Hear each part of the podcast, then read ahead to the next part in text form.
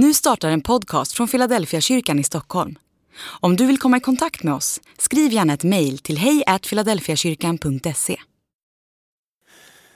Det ser ut som att vi är fler på plats i kyrkan idag. Förhoppningsvis kommer det fortsätta så ett tag till nu när restriktionerna äntligen lättar. Och låt mig säga att det är ju egentligen inte restriktionerna som lättar utan insikten att den här pandemin inte längre leder till svår sjukdom. Det är det vi egentligen är tacksamma för. Att den här mutationen som, som härjar som värst just nu gör folk förkylda och lite febriga men inte i någon högre utsträckning leder till svåra sjukdomstillstånd. Det är någonting att tacka Gud för. Jag hoppas och ber att det ska få fortsätta att vara så här. Nu och resten av åren och framöver. Och om en pandemi kommer vart hundrade år så kan jag acceptera det. Eh, men det vet vi inte. Men jag vill också säga till alla er som ju har tyckt att det här är så besvärligt och ändå varit med och visat respekt från Philadelphia församlingens allra djupaste hjärta kommer ett tack. Det har varit en lång period med stora inskränkningar i våra möjligheter att mötas. Och vi har som församling sagt att för oss är det angeläget att vi följer de här restriktionerna. Jag har aldrig tänkt att restriktionerna är en inskränkning i religionsfriheten, utan det är ett sätt att skydda oss från svår sjukdom. Och i grunden har jag alltid tänkt att till kyrkan ska man gå för att få nytt liv, inte en besvärlig infektion. Men det har varit tungt och det har varit besvärligt. Jag hoppas att vi nu står inför en vår då vi kan mötas utan någon större rädsla. Och så skulle jag vilja säga till alla er som brukar komma hit, ja, men nu gäller det att ta igen det vi har förlorat. Gå till kyrkan varje söndag.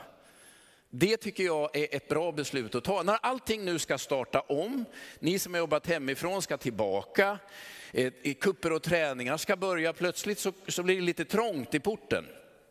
Och så behöver man bestämma sig för vissa saker. Mitt råd är, bestäm dig för gudstjänst ska jag gå på varje söndag. Vi kan mötas, det där är viktigt för mig. Det här är ett sätt att, att tala om för mig själv och i min familj, tron är viktig för mig. Det är mitt råd, stryk under det. Jag har berättat någon gång om en kollega till mig från Jönköpingstiden. Hans son hade börjat i ettan och hans fröken tillhörde församlingen. Så han tänkte den här sonen Samuel som han hette, pastorsbarn och allt, att eh, fröken och lärarna i skolan de går ju i kyrkan. Och så kom ju den dagen då hans fröken var sjuk, eller hans lärare var sjuk, och istället går rektorn in. Och Samuel, eh, sonen då, noterar att det här ansiktet brukar inte jag se i kyrkan. Så han räcker upp handen när rektorn har inlett lektionen och frågar rektorn om rektorn tror på Gud. Och rektorn vet att detta är ett pastorsbarn, man får vara försiktig om en sjuåring och säger att jag tror på mitt sätt. Då räcker han upp eh, handen igen, sonen, och säger, brukar du gå i kyrkan? Och eh, rektorn inser att här pågår en förhandling nu och eh, säger att man kan tro utan att gå i kyrkan och man kan vara ute i naturen. Då räcker pastorsonen upp handen igen en tredje gång och säger det skulle inte skada om rektorn gick till kyrkan. Jag älskar den där frimodigheten som inte har någon baktanke eller anklagelse i sig utan bara en varm rekommendation. Det finns saker som är skadliga, gå till kyrkan är inte en av dem. Det skulle inte skada. Så jag vill säga till oss om restriktionerna nu kommer att vara borta det här fortsätter. Säg till människor, välkommen till Philadelphia. Här finns det plats för många och det är definitivt inte skadligt. Vi har varit lite i förtid där hemma. Vi firar alla hjärtans dag igår. Ni vet ibland hinner man inte riktigt med och jag tänker jag vill leva i det profetiska och det profetiska innebär ju att man är lite före sin tid. Så igår kväll firade vi både födelsedag som ligger lite i framtiden och alla hjärtans dag därför att jag är på väg som ni hörde till Afrika. Det kommer bli lite tajt om tid. Men alla hjärtans dag har inga religiösa bakgrunder, är inte kopplat till något helgon eller någon, någon särskild händelse i Jesu liv. Men det finns ju någonting genuint kristet i tanken på att kärlek är viktigt, omtanke är viktigt. Och med tanke på att det är alla hjärtans dag imorgon så skulle jag ändå vilja säga någonting om gemenskapen. Det här att vara tillsammans. Restriktionerna släpper, nu kan vi börja mötas. Det är för många av oss en stor glädje och så vet jag samtidigt för andra är det laddat med lite bekymmer. Det är inte bara enkelt att möta andra. Och vem kommer att fråga efter mig? Är det någon som minns att jag inte har varit med på ett tag? Ni vet allt detta. Så jag vill läsa en bibeltext och så ska jag tala om Bibelns botemedel mot ensamhet. Och det är inte bara jag som har kokat ihop den rubriken, jag har fått lite hjälp, men jag är helt nöjd med utfallet av förslaget. Bibelns botemedel mot ensamhet. Nu sitter någon av er och tänker, ja men jag har varit kristen hela livet, jag känner mig ensam. Då kan jag säga direkt, tänk nu inte att det är en medicin du tar som enskild. Ni vet att det handlar om mig och bara mig. För då är du fortfarande ensam. Nej, men Bibelns botemedel mot ensamhet, det är en förskrivning som gäller oss alla. Och boten är inte upp till en individ, utan oss tillsammans. Det är ju själva nyckeln. Så om du sitter och tänker, jag är själv och jag är ensam och finns det någon bot för mig? Det kanske inte finns en bot för dig, men om vi tillsammans fattar några beslut så skulle ett, ett läkande, helande under kunna inträffa rent relationellt. Nu läser jag texten. Första Johannes brev, och ni hörde att vi ska läsa Johannes evangeliet. Det är ju med stor säkerhet samma författare till det här brevet. Första Johannes brev, kapitel 1, vers 1 till 4. Det som var till från begynnelsen, det vi har hört, det vi har sett med egna ögon, det vi har skådat och har tagit på med våra händer. Det är vårt ärende livets ord.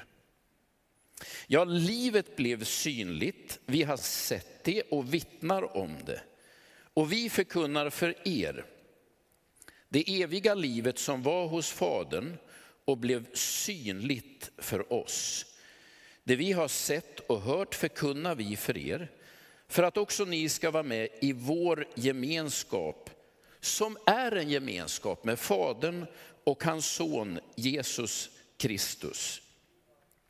Detta skriver vi för att vår glädje ska bli fullkomlig.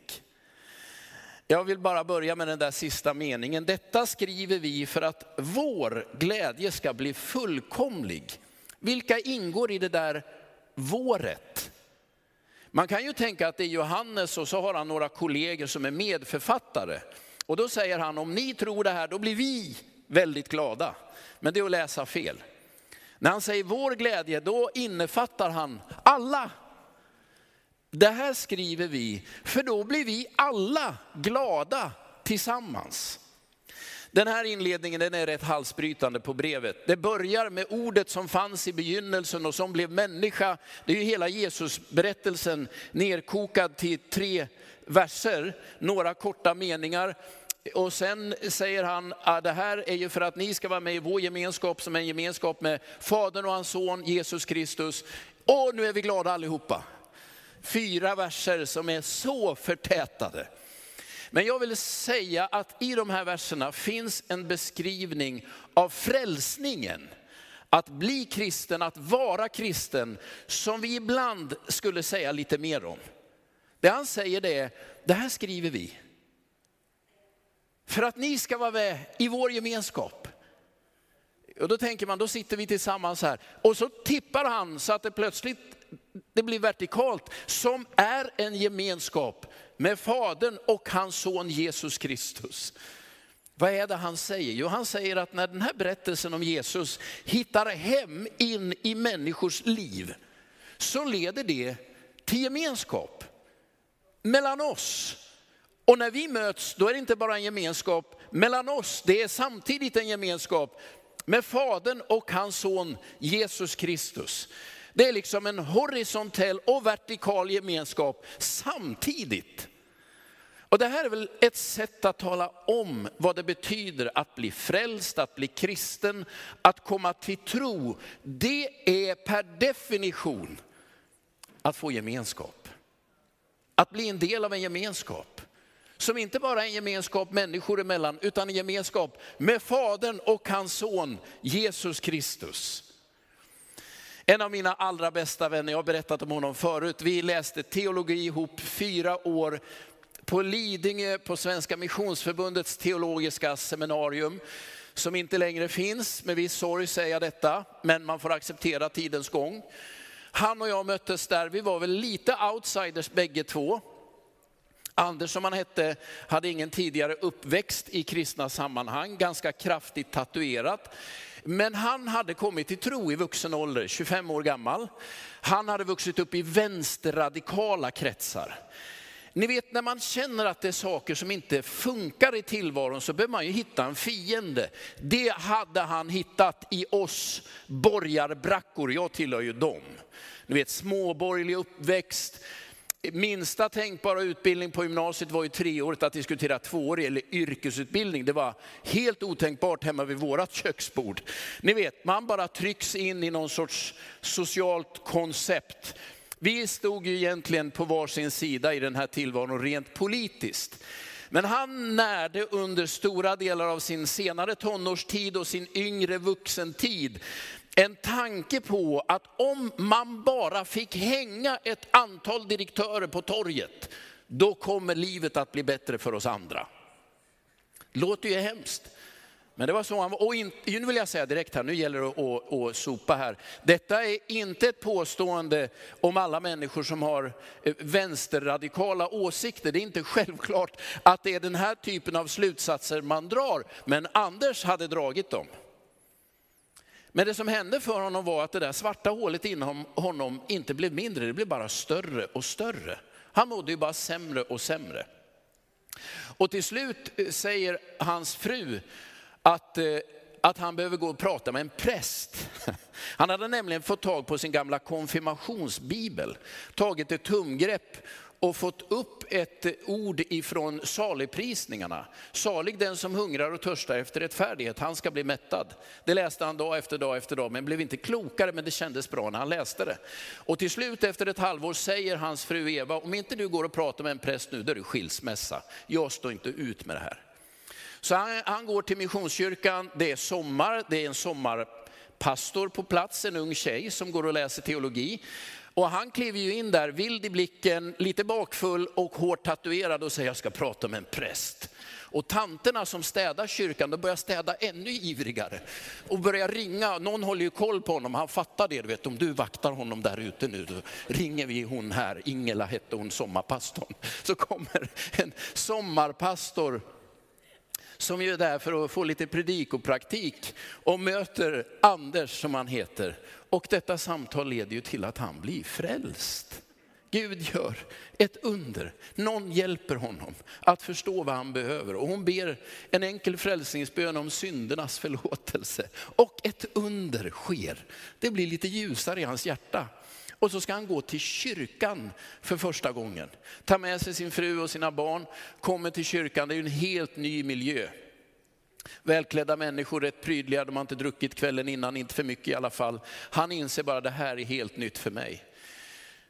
Och ryktet har naturligtvis spritt sig, detta förstår han ju i efterhand, om vem han är och vad som har hänt. Så när gudstjänsten är slut, då glider ju en man i blank kostym och sidenslips fram. Och Anders känner ju igen honom, det är en av direktörerna i stan, ni vet han som skulle hängas på torget. Det han kommer, och han har ju fått liksom fast Anders med blicken, kommer med ett klassiskt leende och, och går fram till Anders. Och Anders tänker, vad händer nu?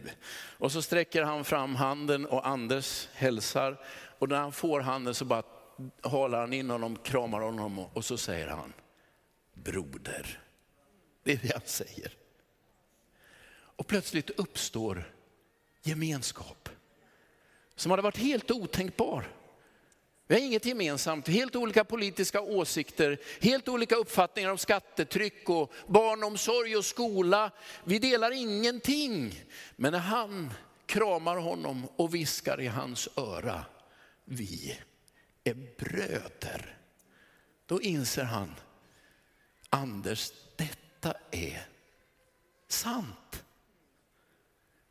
Du vet ett tydligt tecken på att man är frälst. Jag har med Gud att göra, Gud har gjort något i mitt liv. Är att jag plötsligt sitter ihop med en massa människor som är helt annorlunda än mig, som jag inte själv har valt. Men på något gudomligt sätt så är våra liv länkade till varandra. Jag skulle säga att detta är det vackraste miraklet. Normal gemenskap bygger på att vi har barn i samma åldrar, vi gillar samma fotbollslag, vi är med i samma parti. Vi har en åsiktsgemenskap eller en familjegemenskap. Men titta dig om här i kyrkan. Här finns förmodligen alla politiska partier representerade i åsikter och en hel del till. Här finns ju olika uppfattningar om i stort sett allt. Och ändå är det ett faktum att de flesta av oss är på djupet förenade med varandra. Här i tiden genom olika omständigheter och sen in i evigheten. Varför? Ja, men vi har hört berättelsen om Jesus, den har tagit gestalt i våra liv. Och det tydligaste uttrycket för det är att jag har en ny familj. Jag har gemenskap med nya människor. Det är en sån enorm rikedom. Det är det Johannes säger. Här skriver vi. För att ni ska vara med i vår gemenskap. Och det är inte bara en härlig gemenskap, det är gemenskap med Fadern och hans son Jesus Kristus. Vad betyder det? Ja, men det betyder att när Sören och jag som jag har jobbat ihop i tio år, när vi möter varandra, vi har gjort mycket ihop, vi har bestämt en massa, så är det ju inte bara jag och Sören, han är smålänning, jag är ändå härifrån civilisationen. Vi är bröder. I djupet sitter vi ihop genom en gemensam erfarenhet av Jesus. Och det finns ingen och inget som kan rycka isär det.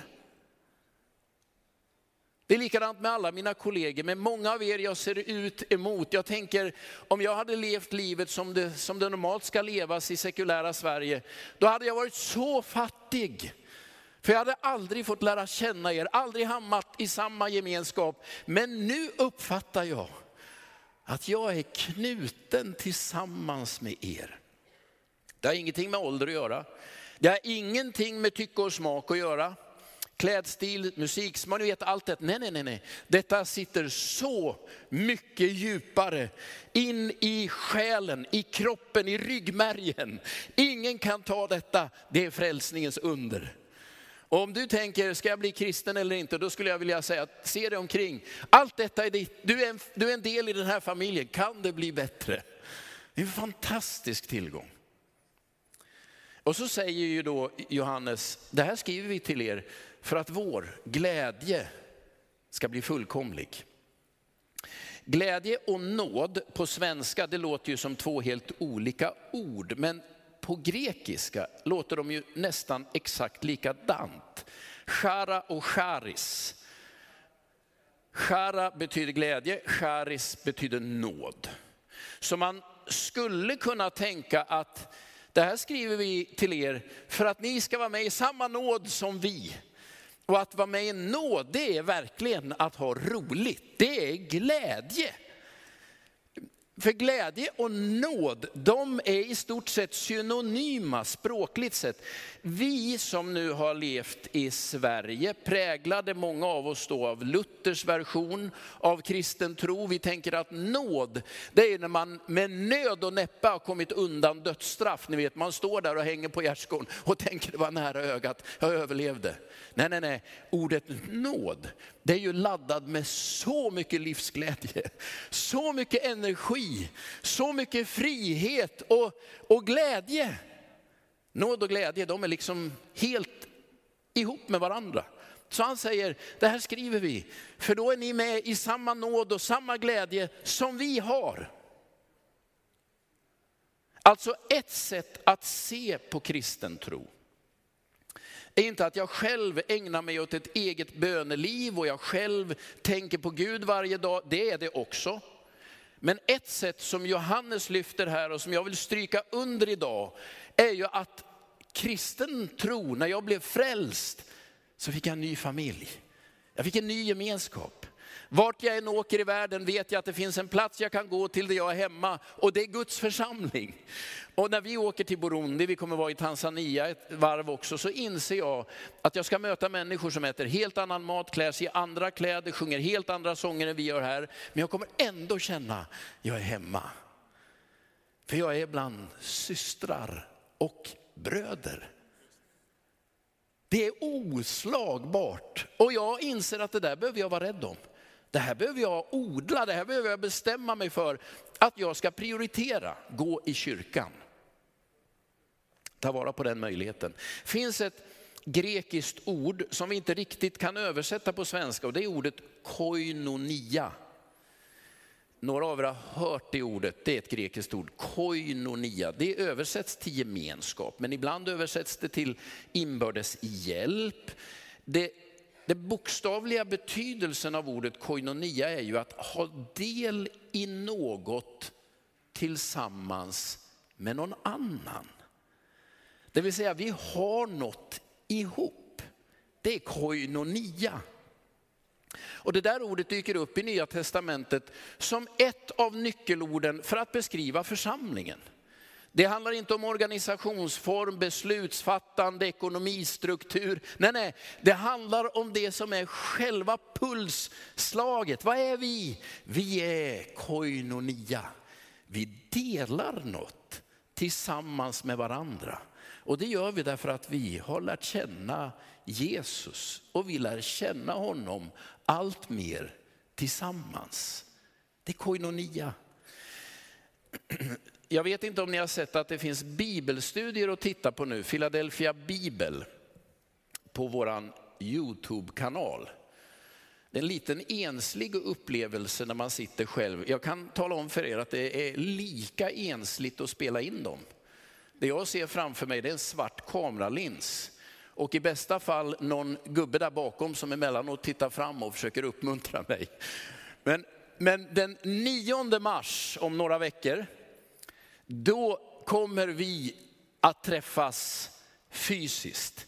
Onsdagar klockan 18 ungefär där kommer det en trappa ner, alltså nej, två trappor ner härifrån nu. På nedre plan, vi säger inte källare i Philadelphia, vi säger på nedre plan. I Birka och Karlberg kommer det serveras soppa. Och sen vid sju kommer det vara ett enastående bra bibelstudium som man kan lyssna på i Birka. Sen kommer vi att erbjuda möjligheten att sätta sig i en mindre grupp och samtala om det här. Och då naturligtvis kommer vi dricka kaffe och äta en god kaka. Och eh, sen kommer vi avsluta de här kvällarna framåt eh, åtta tiden med ibland att fira Herrens måltid tillsammans, be en aftonbön gemensamt. Det kommer att heta Philadelphia Bibel, men om du, om du försöker fånga vad är det vi är ute efter, då skulle jag säga vi är ute efter koinonia. Det är den vi vill ha. Och du som sitter här och tänker, men jag känner mig själv. Kom på onsdagskvällar. Där kommer du få känna det som är på något sätt våran puls, signalen att kliva in ett steg till i familjen. Jag vet att tiden inte alltid räcker till. Men kom när du kan. Vi kommer också spela in det här så det går att följa det online. Men, men det är det här, att hitta den här mötesplatsen som inte är villkorad, utan som är öppen, välkommen. Där vi möts inför ordet, i soppan, med kaffet, i bönen och vid bordet, Herrens bord.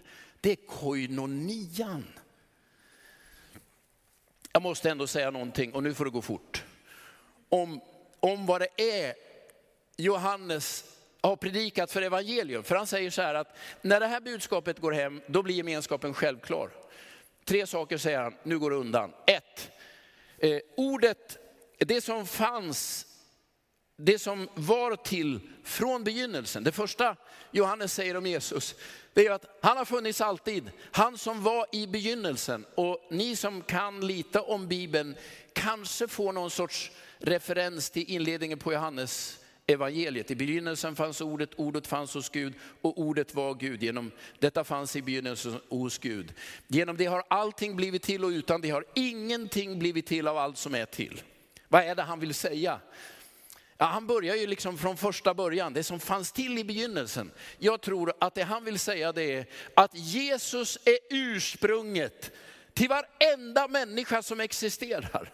Till varenda fågel, varenda fisk, vartenda träd, allt som finns har ett och samma ursprung, nämligen Jesus Kristus. Det är den Jesus vi tror på.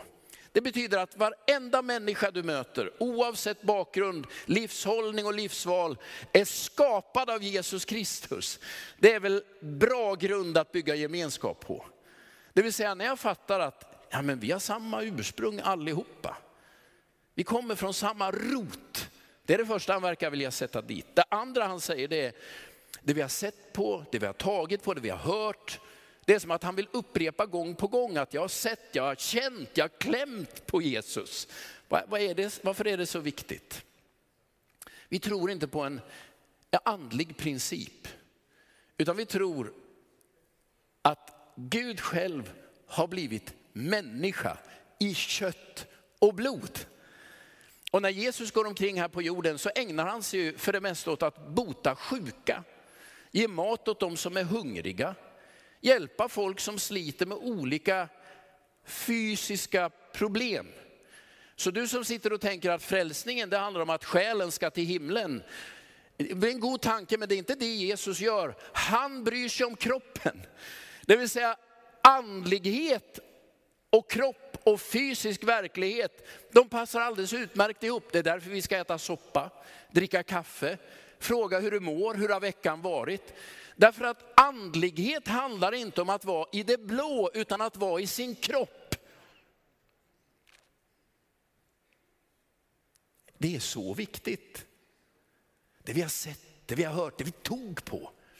Det vill säga Guds frälsning är inget övervärlds, övervärldsligt, bortom sinnena. Nej, han blev människa som vi. Jag brukar tänka på när den uppstående Jesus kommer till sina lärjungar och de tänker, det är inte han, jag är inte säker. Vet ni vad han frågar? Finns det något att äta? Ge mig en fisk. Man tänker han kunde dratt något om något mirakel. Vet ni inte det? Ja, jag har gjort det här. Han säger bara, nu käkar vi gubbar. Eller när Petrus möter Jesus för tredje gången och inte riktigt har fattat att han har uppstått. Och när han inser att det är ju Jesus där på stranden, han hoppar i från båten och simmar dit. Vad är det första Jesus säger då? Nu är det frukost. Jag älskar ju detta med Jesus. Det vill säga, du, hur mår du? Vi, att hämta andan, låt pulsen komma ner. Nu äter vi ihop. Det där är för mig genuin kristen spiritualitet. Att vara andlig är att vara fysisk och praktisk, att bry sig om den som är sjuk, känner sig ensam, som behöver hjälp när ekonomin inte går ihop. Andlighet är praktisk, fysisk. Ja, det är poängen.